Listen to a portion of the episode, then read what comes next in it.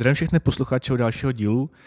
Tentokrát mám tady skvělého hosta Tomáše a Tomáše z Outreache. Outreach před pár lety rostl rychleji než Slack a dneska se budeme bavit o tom, a protože Tomáš byl součástí zakládání pobočky v Praze a dneska se budeme bavit o tom, co všechno jako, čím, čím prošli, co jim stalo v cestě, co se ponaučili a vlastně trošku v outreachi, o outreachi, jaká je tam kultura a jak to tam funguje. Zdravím tě Tomáši v podcastu, ahoj. Ahoj, ahoj.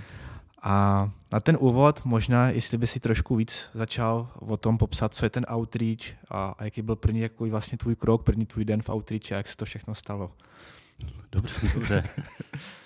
outreach je vlastně, uh, se zabývá tím, že pomáháme našim zákazníkům, aby něco prodali svým zákazníkům, takže prostě online sales a jsou proto určitý eh, nástroje a, a určitý AI a tak, takže eh, můžete si to představit jako set of tools a tak, aby vy jako zákazníci jste mohli, eh, aby naši zákazníci byli úspěšní v tom, že můžou prodat, ať už se jedná o cokoliv, a, těm svým zákazníkům. Takže Říká se téhle kategorii sales engagement a jedná se prostě o jedná se o to, aby jsme co nejvíc pomohli těm zákazníkům, aby prostě byli úspěšní. Takže když naši zákazníci jsou úspěšní, tak my jsme pak taky úspěšní, protože oni zjistí, že jim vyděláváme peníze a pak si kupují více licenci od nás a tak dále, více síc takzvaně. Takže Outreach je celý, eh, celý o tom. Je to prostě platforma, eh, několik produktů, eh, třeba Outlook Add-in, eh, Chrome Extension pro Gmail, Salesforce a zároveň i ten single page app, hlavní aplikace, kde člověk může dělat různé věci.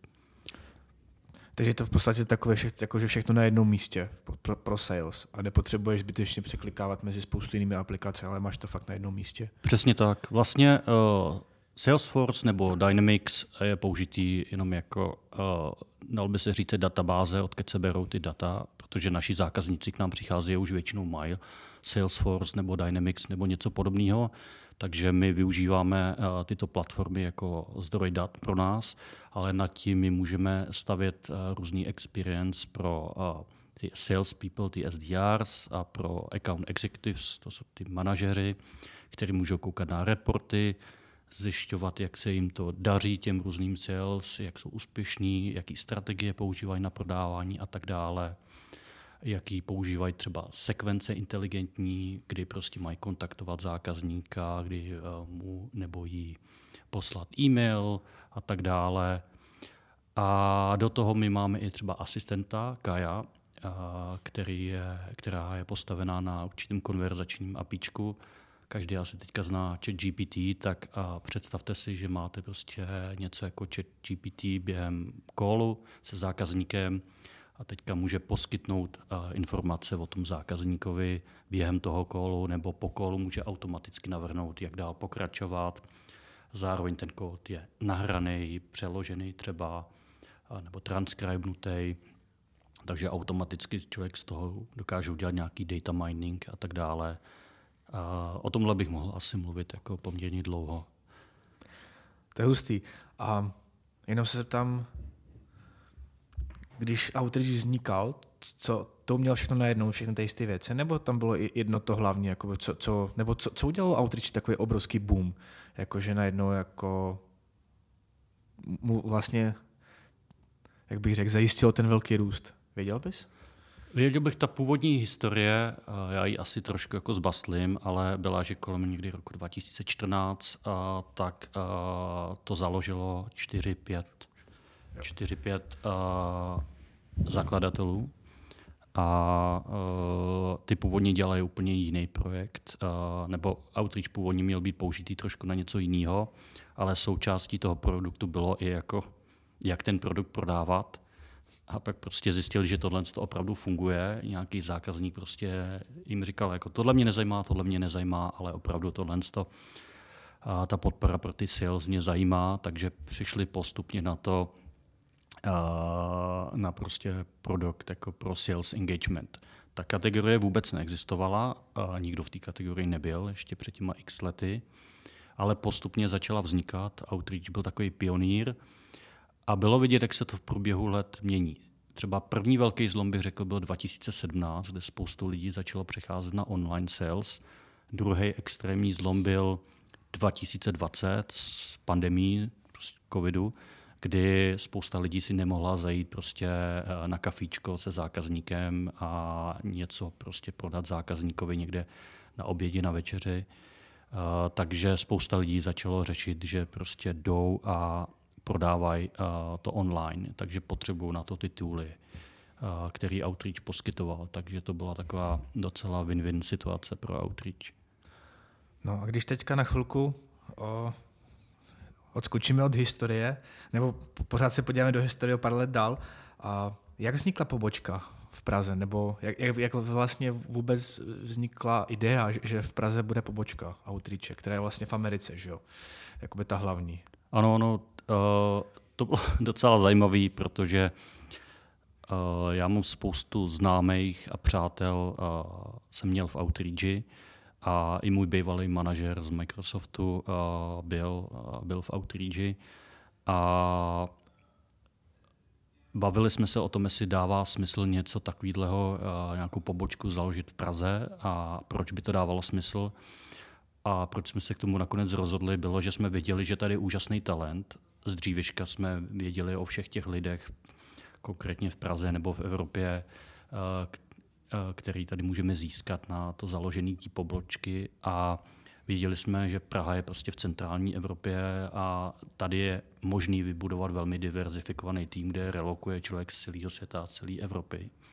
Takže to byla ta hlavní, hlavní motivace. A takže první vlastně, co jsme udělali, je zjistit, vybudovat nějaký určitý core tým, eh, nějakých prostě sedm statečných, eh, který s náma do toho budou takže já si ještě pamatuju, že někdy v listopadu nebo říjnu 2019 já jsem obíhal mý kolegy a tak dále a přátelé eh, z různých firm a postupně jsem dokopal asi 20, 20 lidí na úvodní eh, prostě nějakou hiring eventu.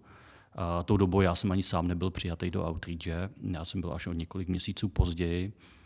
A udělali jsme tady prostě v Praze někde u Václaváku nějakou hiring eventu. Já jsem pár hodin předtím uh, prošel si interview sám, uh, zjistit bez nějaký přípravy a tak, asi teda to půjde nebo ne. A z toho nám vypadlo, dejme tomu těch sedm statečných, kteří řekli, že do toho s náma půjdou a zkusíme společně vybudovat tu kulturu a ten tým tady, který bude pracovat na nějakých těch zajímavých produktech. Měli jsme nějaký plán, co přesně vybudovat, jak zabezpečit, aby jsme měli určitou kulturu, aby to byla samostatná pobočka, aby jsme dali lidem prostor pro růst a tak dále. Hodně věcí se změnilo jako v průběhu toho prvního roku.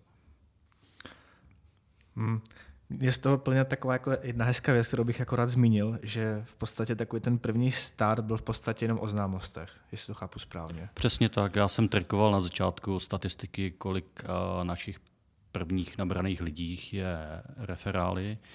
A na začátku to bylo 100%, pak uh, v roce 2020 se to ustálo na 70%, a pak během 2001-2022 to bylo cca 30% takže už myslím, že v tuhle chvíli už jsme dostatečně diverzifikovaní. A těch sedm statečných to bylo, jaký to byly role? Těch to bylo, na začátku to byl celý engineering. To, jako to náš... engineering, bez HR, bez nikoho, jenom prostě sedm jako engineering lidí.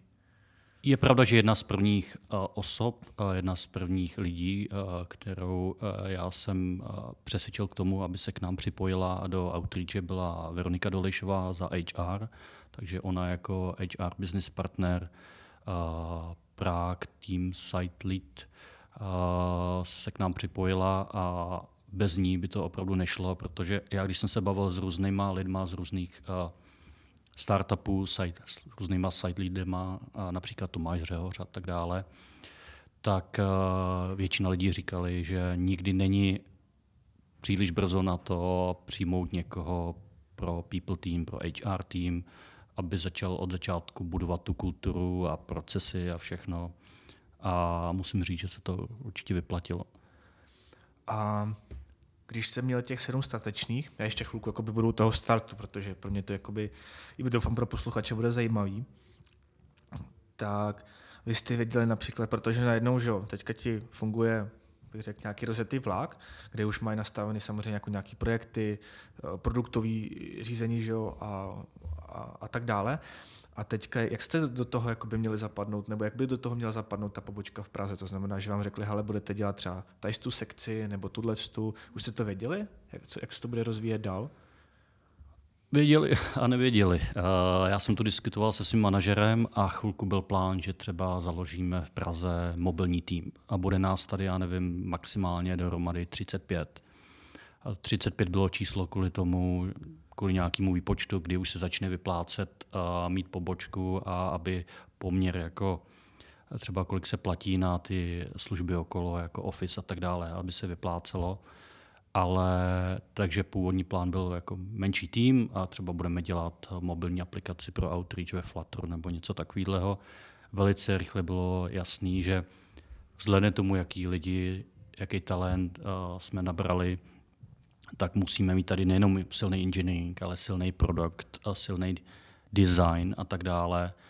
A postupně bylo i jasný, že musíme nabrat i další role a další oblasti, třeba jako technical support, který máme teďka velmi silný v Praze a tak dále. Do budoucna třeba bychom chtěli vybudovat sales tady i, aby prostě jsme měli celý ten koláč, celý prostě takový slice toho, aby mohli lidi správně spolupracovat. Protože cílem tohohle všeho bylo, aby byla samostatná pobočka, aby nebyl takový ten ping-pong přes oceán, kde když něco chce inženýr, tak musí pracovat s product manažerem jo. přes 9 hodin jako ve Seattleu.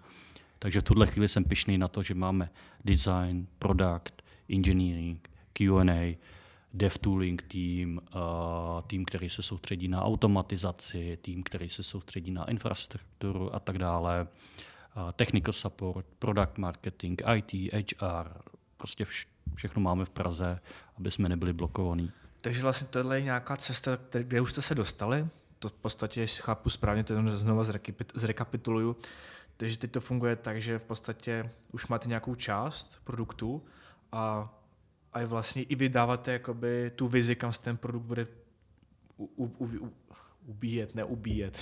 Ubírat. ubírat, pardon, ubírat dál. Chápu to správně. Určitě, protože máme velmi silný produkt a, a velmi silný design tým, takže pro product tým máme Amita Paunikára, jeden bych řekl z nejlepších lidí pro produkt v Praze, a senior product director, pak máme Johnnyho Šrutka, Jana Šrutka pro jako director of design, takže to jsou velmi silné osobnosti, napojené velice vysoko do té struktury outreache.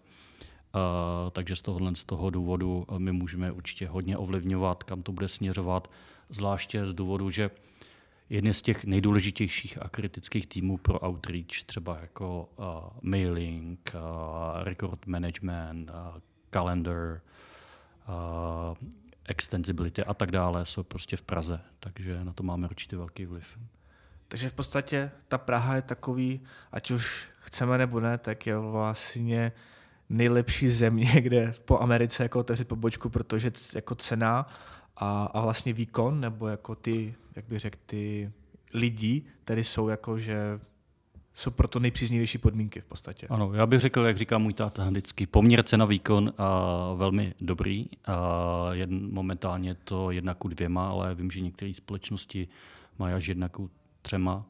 Ale navíc pro nás bylo i důležité, že Praha se postupně stala za posledních, já nevím, 15 let celkem kosmopolitní, takže tady člověk může nabrat poměrně různé národnosti. V Outreach jsem pišný na to, že máme 30 plus národností na těch 115 lidí, co máme teďka, což je naprosto 30 úžasný. plus?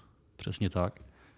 Já bych je i dokázal vyjmenovat tady všechny. Uh, to je vlastně, to je, takže v jednom týmu, co je třeba šest lidí, pracují jako úplně jiné národnosti. Přesně tak. Uh, jako česká národnost zdaleka není majority. Eh, je to možná nejmenší, největší minority, Češi a Slováci, ale máme spoustu různých národností od prostě Kolumbie, Argentíny, eh, teda Brazílie, eh, přes, já nevím, Bosna, Hercegovina, Srbsko a hlavně hodně národností, které byly teďka ovlivnění válkou, takže Moldava, Rumunsko, Ukrajina, Rusko, Bělorusko, prostě po celé Evropě a světě. Hele, a zeptám se, tu, tu různorodost, jakoby tím účelem je, ať už to jakoby i trošku dáno tou Amerikou, nebo je to i zatím něco jiného? Jako proč máme tolik různých národností? Hodně z toho souviselo jako díky těm referálům. Jednu dobu to opravdu bylo 70% lidí a je pravda, že my jsme brali lidi, co známe a ty už byli poměrně diverzifikovaný a i jsme nad tím docela přemýšleli. Já jsem si dělal třeba statistiky, jaký máme levely, aby jsme byli vyvážení, aby prostě byl, já nevím, třeba jeden principal v týmu, několik seniorů, několik prostě staff inženýrů a juniorů, aby se navzájem mohli podporovat a tak dále. A koukali jsme i na jiný data. V tuhle chvíli máme nějakých 19,8 žen, procent žen v Praze, což není optimální, ale děláme, co můžeme. Optimální, že my tady vlastně jako ajťáčku máme tak dvě na Becis, takže, takže to je tak 0,5%. Musí se člověk snažit a být diligent a, a přemýšlet nad tím. Ne vždycky to funguje tak, že přijde kvota od senior leadershipu a teďka musíte nabrat tolik a tolik lidí. A pak je nenastavíte pro success, když uh, snížíte laťku, takže my jsme Nebo... nikdy nesnížili laťku. Ale... Zeptám se možná trošku, jaká, jaká je motivace, protože spousta lidí uh, a už dneska taková doba, že, ve filmech jakoby musí hrát takhle a takhle a takhle, nebo tak, jako je zatím opravdu ta kvota, nebo i vidíš sám po dlouholetých zkušenostech, jako v těch firmách, když ta diversifikace je, tak jaký, jakoby benefit to přináší? V předchozí společnosti um, zatím byla kvota trošku a úplně to nefungovalo, protože někdy člověk eh, trošku snížil uh, nějakým způsobem laťku, což bylo velmi špatně, ale uh, v tuhle chvíli nemáme kvotu, ale snažíme se nad tím hodně přemýšlet. A pro mě diverzity není uh, jenom žena versus muž, ale uh, je to o tom, a nejsou to jenom národnosti, je to o tom, že i ty lidi musí být opravdu rozdílný. Spousta společností dělá, že nabere lidi z různých národností, gender a tak dále, a pak se vychovává, že jsou všichni vlastně stejní. Eh, uniformní. A já doufám, že se nám v Praze daří dělat, aby jsme poskytli eh, příležitost eh, lidem, kteří jsou opravdu odlišní, ať už se jedná introvert, extrovert. Někdy to bolí, protože lidi někteří jsou opravdu různí, někteří lidi mají hodně Eastern Europe mentality, že jsou hodně kritický třeba, někteří jsou více otevřený, takže někdy ta komunikace může být zajímavá, ale my se snažíme opravdu být při tom interview procesu uh, otevřený a máme na to tréninky, jak uh, prostě unconscious bias a takovéhle věci, jak prostě uh, nabírat lidí podle jejich schopností a ne podle toho, že třeba jsou nervózní během interview. Takže my se nesnažíme potopit. Nechceme mít prostě takového toho extrovertního, de- excelentního developera, uh, takovou superstar, uh, to by vybudovalo neúplně dobrou kulturu. A vlastně jsem neodpověděl na tvou otázku. Ano, proč to děláme? Protože statisticky je to vidět, že se to vyplácí. Ty lidi mají různé pohledy na to, uh, jak něco vybudovat nějakým způsobem, různý styl komunikace a tak dále. Takže myslím, že se pak vyplácí, že různý vnímání světa, různé uh, myšlenky pak jako jdou dohromady a pomáhá nám to uh, budovat něco, co, co je takový více inkluzivnější. To znamená ve firmě, kde se budou všichni cítit jako chtěný a vybíráte hlavně lidi ne podle toho, že někdo jako super talent nebo superstar a, a máte tam někoho takového, nebo spíš jako vybírat ty lidi, kteří jako je na ně, jako bych řekl, lidský větší spolech a spíš se toho člověka snažíte jako dovychovat, aby jakoby ty skilly, protože ty hard skilly se dají vždycky doučit. Samozřejmě pokud ten člověk jakoby má na to predispozice, ale některé ty lidské vlastnosti už se dají naučit mnohem hůře, než jako pokud ten člověk je vůbec nemá.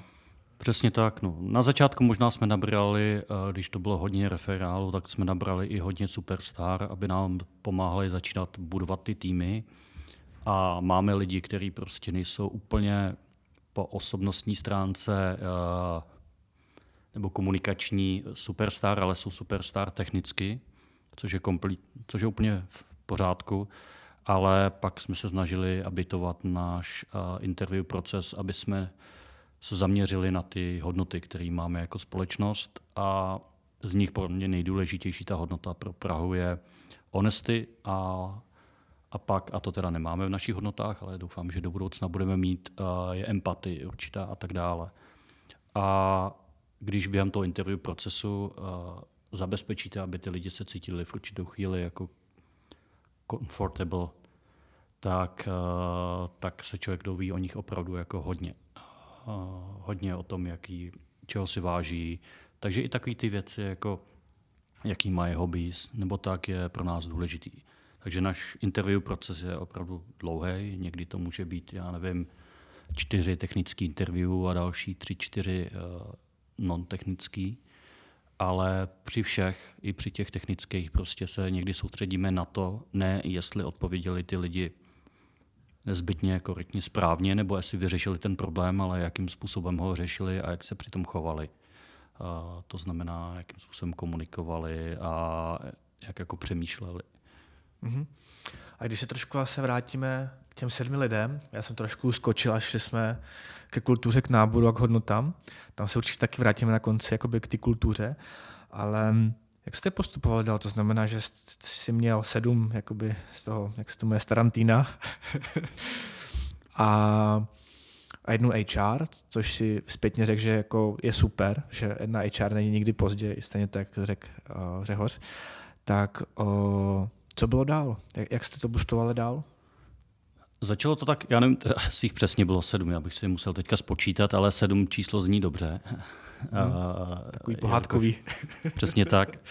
Ale první bylo, že jsme museli nastartovat nějaký uh, hiring proces, uh, aby jsme nabrali uh, náš ten tým a začali jsme paralelně budovat ty týmy. Takže na začátku jsme měli jen vlastně reálně uh, dva, tři týmy a uh, dodávali jsme, co šlo, jako, ale už během jako prvního kvartálu jsme dodali jednu zajímavou feature. Uh, velice rychle jsme zjistili, že začínat během covidu, protože oficiální uh, start day pro Outreach uh, Prague je 1. března a 11. března prostě se všechno zavřelo a celá pobočka je v US takže to bylo velice zajímavé. Naše původní plány eh, jsme vyhodili z okna, že sem přijedou lidi z Ameriky a pomůžou nám se zakládáním prostě IT, najít office a tak dále, tak to všechno vyletělo z okna, nikdo se tady neobjevil prostě rok, rok a půl, protože to nešlo, nikdo nemohl cestovat. Uh, takže hodně byla to zajímavá situace, že jsme prostě museli rozběhnout tu pipelineu, založit ji na osobním přístupu. Na začátku jsme začali tak, že jsme procesovali hodně lidí, což nefungovalo. Velice rychle jsme přišli na systém, že jdem osoba po osobě a když už vidíme někoho, kdo je opravdu jako, kdo je, s kým si klikneme dohromady, tak se snažíme udělat všechno pro to, aby jsme tu osobu k nám dostali a někdy kolem května, června se to začalo lámat a začali jsme, dost, začali jsme k nám nabírat velmi zajímavý a úžasný lidi engineering. A tou samou dobou jsme si uvědomili, že potřeba i velice silný product team, takže udělali jsme nějaký open doors a tak dále, pozvali jsme spoustu, spoustu lidí, a spoustu z nich velmi silných lidí z produktu, z designu a engineeringu se k nám připojili. A to jsme pořád v tom období, kdy ty lidi se nabírali v podstatě jako podle těch referálů, nebo i to, že i ten hiring se rozjel jako takový, že jste třeba dávali na uh, nějaký, um, nechci teďka jmenovat uh, portály, ale že spoustu portálů, LinkedIn a tak, nebo ještě to furt bylo podle, uh, jak bych řekl, známosti nebo referálu? Oboj. Eh, na začátku třeba jsme využívali Outreach jako platformu nejenom pro sales, ale i pro hiring, a takže jsme využívali ty inteligentní sekvence a všechno, aby jsme dokázali dostatečně oslovit velký počet lidí. Samozřejmě jsme budovali pipelineu na LinkedIn a, LinkedIn a tak dále, takže to bylo na začátku těžké, trvalo nám to, já bych řekl, březen, duben, první člověk, koho jsme nabrali a nebyl referál, bylo první k prvnímu květnu 2020 a pak se to postupně začalo rozjíždět. Takže ano, byla to kombinace referál plus začít budovat tu pipeline, což trvalo uh, nějaký čas, protože nikdo nás neznal, nikdo o nás nevěděl a uh, je pravda, že ty, uh, že ty kandidáti, co jsme dělali s nimi interview, uvidí, že tam je nějakých prostě pět, sedm lidí a uh, nemusí, neznají nás vůbec a nemusí nám věřit. Uh, nemáme office tou dobu ani vůbec, takže nemusí nám věřit, že a že tady něco dokážeme vybudovat. No a to je moje další otázka. Jak jste dokázali v podstatě nabrat jedny z nejlepších lidí, dejme tomu v Praze, nebo talentovaných lidí, že jo? samozřejmě kteří jako jsou všude chtěný, jak jste je dokázali nabrat? Já to upřímně řečeno nechápu, protože eh, třeba v květnu jsme nabrali Nikola Maloviče, to je, byl jeden z velmi silných inženýrů uh, z mý bývalé firmy, a který byl posadlej prostě tou firmou. A uh, my jsme ho přesvědčili a jiní lidi, aby prostě všechno zahodili, co vybudovali a připoli se k nám let's za menší výplatu. Ale je to zajímavý, byla to zajímavá doba ještě, jak byl ten covid a tak, spoustu lidí bylo nejistých, nechtělo měnit zaměstnání a tak dále. Teď, teď ještě to stupněš to napětí. Takže já nevím, bylo to o tom osobním přístupu, o přístupu třeba HR a Veroniky, která tu dobu se starala o i hiring a recruitment, o přístupu nás všech ostatních. Všichni jsme vlastně táhli za jeden pro vás. A postupně, jak jsme dostávali dohromady eh, k nám lepší a lepší lidi, tak byla ta šeptanda určitá a tak a oni využili svoje kontakty a pak další svoje kontakty a tak dále, takže to velice dobře fungovalo. Samozřejmě pomohlo, že i jsme nabídli uh, dobrý base salary a tak dále a pomohlo, že bychom měli a stále dáváme nějaký stock options uh, našim našim zaměstnancům, takže eh, tou dobou byla opravdu a je ta vize, eh, že ta equity, to prostě to non, non-base salary, ty shares a tak dále můžou mít jako velmi silný vliv, finanční impact prostě za pár let. Jasně. Takže, takže jakoby tam byl, chápu to správně, že byl jako base salary, který jakoby nebyl špatný, nebo no. A, ale k tomu dostali nějaké akcie navíc, které právě mají ten potenciál, že do té firmy půjdou, tak když poroste firma, tak vlastně i poroste jakoby i jejich bych řekl, finanční ohodnocení. Jako ano, přesně tak. Ale nemyslím si, že většina z nich přišla kvůli tomu, protože spousta z nich třeba jsme museli donutit, aby všechny akcie, které měly ve předchozí firmě nevestované, tak by, aby neprodat. Oni tu dobu ani nemají, tak aby je nechali, nechali za sebou. Jako. Mm-hmm. Já jenom tím, že jsem zmínil třeba zaměstnání, jsem tam opravdu nechal hodně, hodně akcí, hodně peněz. Takže nakonec u spoustě lidí to bylo o lidech. Že prostě o lidech a o tom, že ne všichni a že to byl i možná správný čas pro ně změnit jako zaměstnání mm-hmm. a přejít prostě z nějakého korporace do nějakého osobnějšího startupu, takže my jsme to hodně stavili na tom, že s přáteli prostě tady postupně budujete pobočku, pobočku v Praze. Takže zatím vším jako nebyly ty peníze, ale když to shrnu, tak byla upřímnost, to znamená jako, že upřímnost jako v lidské komunikaci, na nic si nehrajeme a chceme tady a ten cíl, chceme tady vybudovat tady pražskou pobočkou, aby fungovala tak a tak. A to vlastně ty lidi to nemotivovalo k vám jít. Přesně tak, no. Vždycky od začátku jsme s nimi mluvili o kultuře, jakou chceme vybudovat, jako honesty a že to má být standalone pobočka a tak dále a že chceme mít taky nějakou fan a tak podobně. A, a že prostě nechceme být jako korporát a tak, že prostě chceme být jako dynamičtější a tak a, a tak dále. A takže původní plán byl, že třeba nabereme 17 lidí během toho prvního roku a nabrali jsme nakonec během prvního 40, během druhého 50 a teďka během dalšího nějakých 37 až 43, podle toho, jak se to počítá. Takže nás to překvapilo, jak, jak se to rozjelo prostě mm-hmm. ještě během pandemie.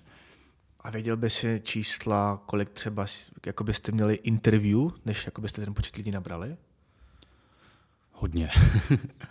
Opravdu hodně.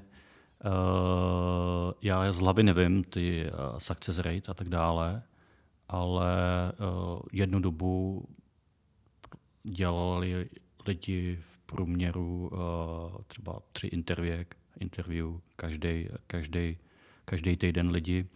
Ale je problém, že tohle se hodně měnilo, jak jsme nabírali lidi, tak najednou člověk má více lidí, co můžou dělat interview a tak dále. Takže měsíc od měsíce to bylo opravdu odlišný. V jednu chvíli já si pamatuju, že až do července 2020 jsem měl interview a s každým, koho jsme jako přijali. A poprvé v srpnu jsme přijali, červenci srpnu, jednu osobu, kterou jsem ani neviděl. Mm-hmm.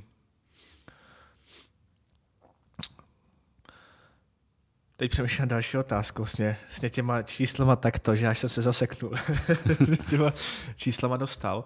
Takže říkáš, o, no a teď bych se vrátil zpátky, možná ještě zůstanu trošku těch interview a zeptám se, jak třeba vypadá interview teďka v Outreachi?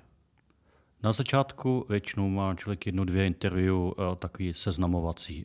Pakliže nejste přijatý přes agenturu, který jsme dřív využívali, Velice rychle jsme je eh, už v roce 2020 navázali spolupráci s některýma a jedna eh, agentura, nevím, jestli tady můžu jmenovat, ale uh, Nimble, uh, to byla perfektní spolupráce s nimi a fungovalo to velmi dobře pro nás. Zatím jo, teď ještě ne, nemám podepsaný s Outreachem, uh, s Outreachem, s Techlupem, ale zatím můžeš.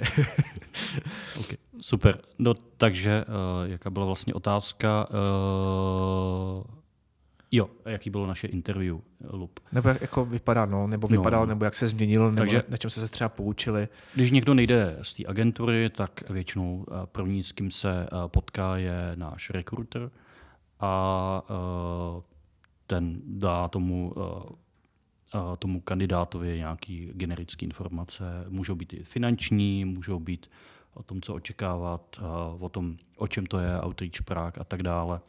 Pak většinou je eh, něco jako hiring manager interview, takže ten, kdo reálně pro něj je ta pozice, eh, tak se pobaví eh, na začátku s tím kandidátem nebo kandidátkou, aby zjistili, jestli si sednou po osobní stránce a to nám taky pomůže jako trošku profiltrovat tu pipelineu, aby jsme neposílali, aby jsme neoverloadovali naše interviewers nějakým způsobem. A pak jsou čtyři technické interview, takže první je algoritmický, eh, nebo vlastně první je teďka per programming, nebo nějaký určitý real world exercise, kde prostě se potkáme a, a, a dohromady si zkusíme něco naimplementovat. Opravdu záleží, jestli to frontend, backend, infrastructure a tak dále. Pak je nějaký algoritmický, kde pochopíme, jak moc ty lidi už mají poškozený mozek tím, že pracují v IT, takže jak dobře přemýšlí. A pak eh, záleží na senioritě toho kandidáta, eh, jestli je to manažer nebo ne, ale většinou pak je nějaký interview, který je více na architekturu nebo na budování produktu, end-to-end delivery a tak dále. A pak vždycky ke konci je interview, který se soustředí hodně na hodnoty a na naše values.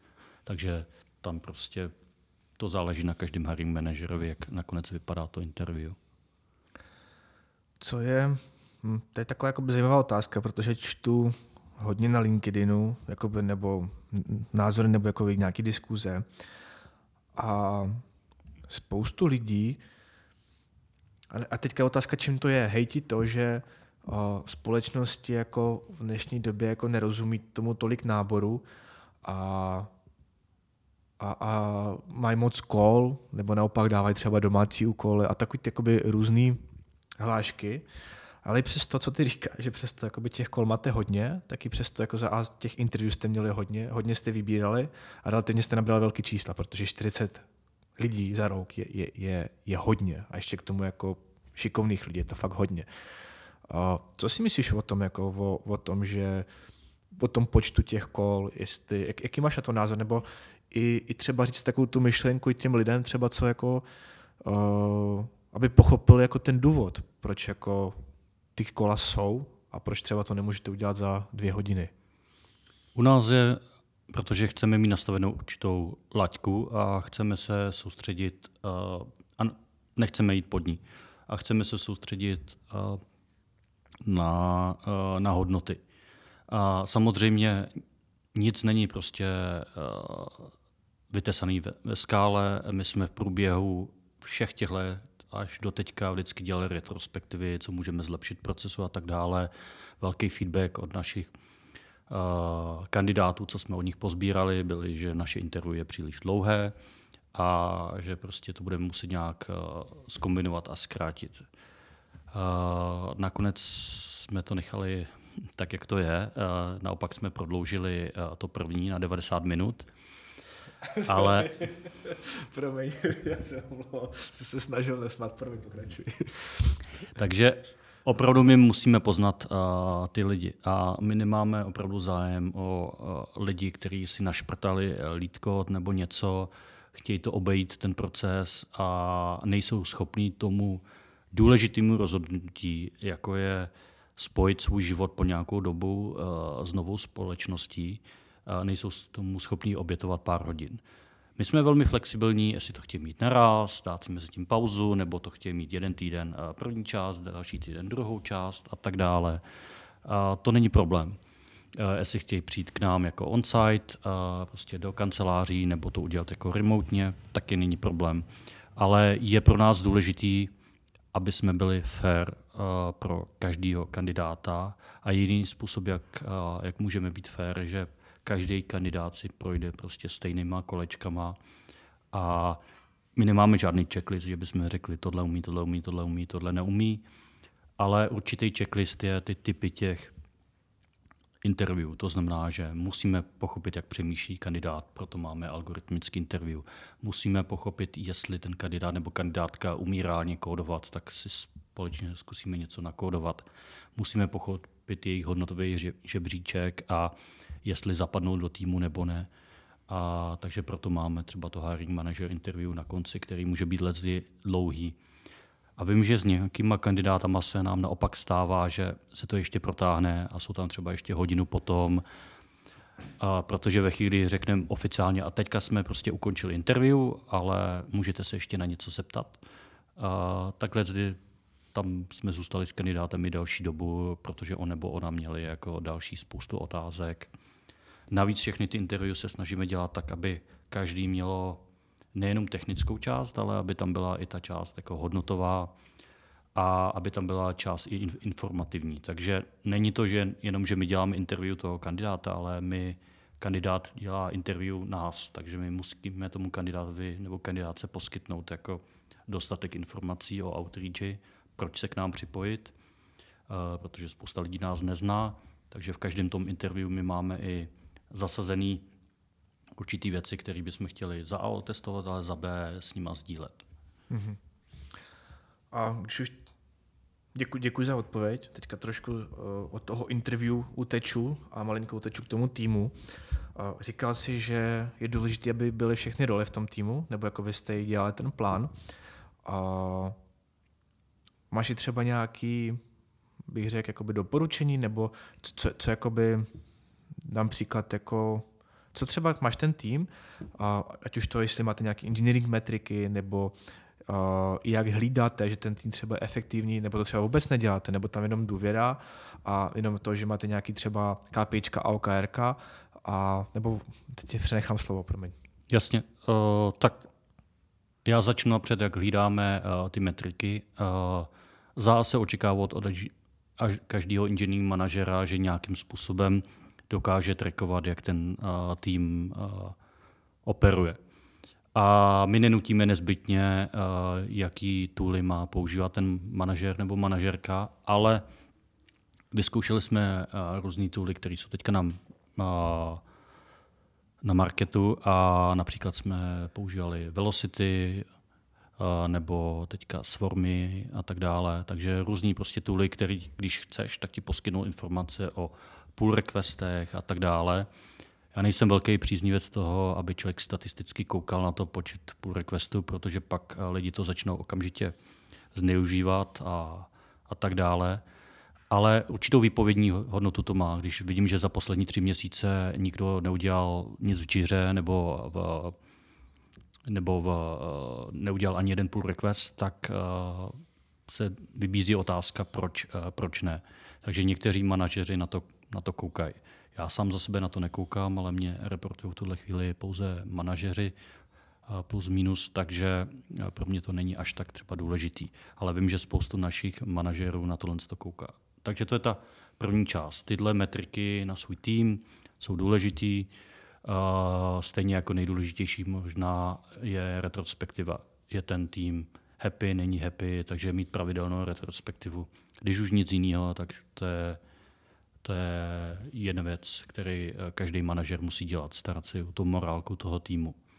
Do toho my máme samozřejmě OKR, kde postupně updatujeme od té doby, co jsem nastoupil do Outreache, tak prostě každý quarter se trošku mění, jak je děláme, jak se učíme a tak dále, jaký tooly používáme, a aby to nebylo příliš mnoho procesu a tak dále. A jako máme pro ně templateu nebo definition of done a, mm-hmm. tak, a tak dále. Takže máme OKR a v tuhle chvíli jsou každý tři měsíce máme. Kolik máte cílů v těch OKRkách? To záleží na týmu. Infrastructure tým bude mít jiný počet jako objektivů než prostě třeba nějaký frontend tým a záleží na velikosti týmu. Některé týmy máme teďka malý, některý mají prostě 13 lidí, takže nedá se říct a různí lidi to taky Vzhledem tomu, že my teďka přepisujeme frontend, přepisujeme backend a přepisujeme infrastrukturu, tak v tuhle chvíli máme třeba méně objektivů, protože Některý se týkají opravdu jenom toho, že se má přepsat ten frontend a hmm. není potřeba to rozdělovat, že přepíšu tuhle stránku, tuhle, tuhle a tuhle. Nabízí se mi zajímavá otázka. Když děláte ty, tyhle technické věci, které jsou, my třeba jedeme, že máme technický dluh a ten technický dluh máme jako 30% na ten tým a i tu kapacitu, kterou plánujeme, taky plánujeme kvartálně, tak vůbec už do toho, jako do těch kapacit, do té v podstatě roadmapy nedáváme. A jak vy třeba řešíte to, že pokud je to třeba ten větší technický dluh, to znamená, že třeba nějaký refaktor, a ty víš, že pokud ten refaktor je prostě must have a jiná cesta není, protože na tom pak potřebujeme stavit jako ty další, další a další věci, takže to základ, který to potřebuje tu kapacitu a to soustředění, ten čas. Dáváte to taky do těch OKR? Pokračování najdete na piki.cz. Pokud se vám podcast líbil, poprosím o like, o sdílení a těším se na vás u dalších dílů. Mějte se. Ahoj.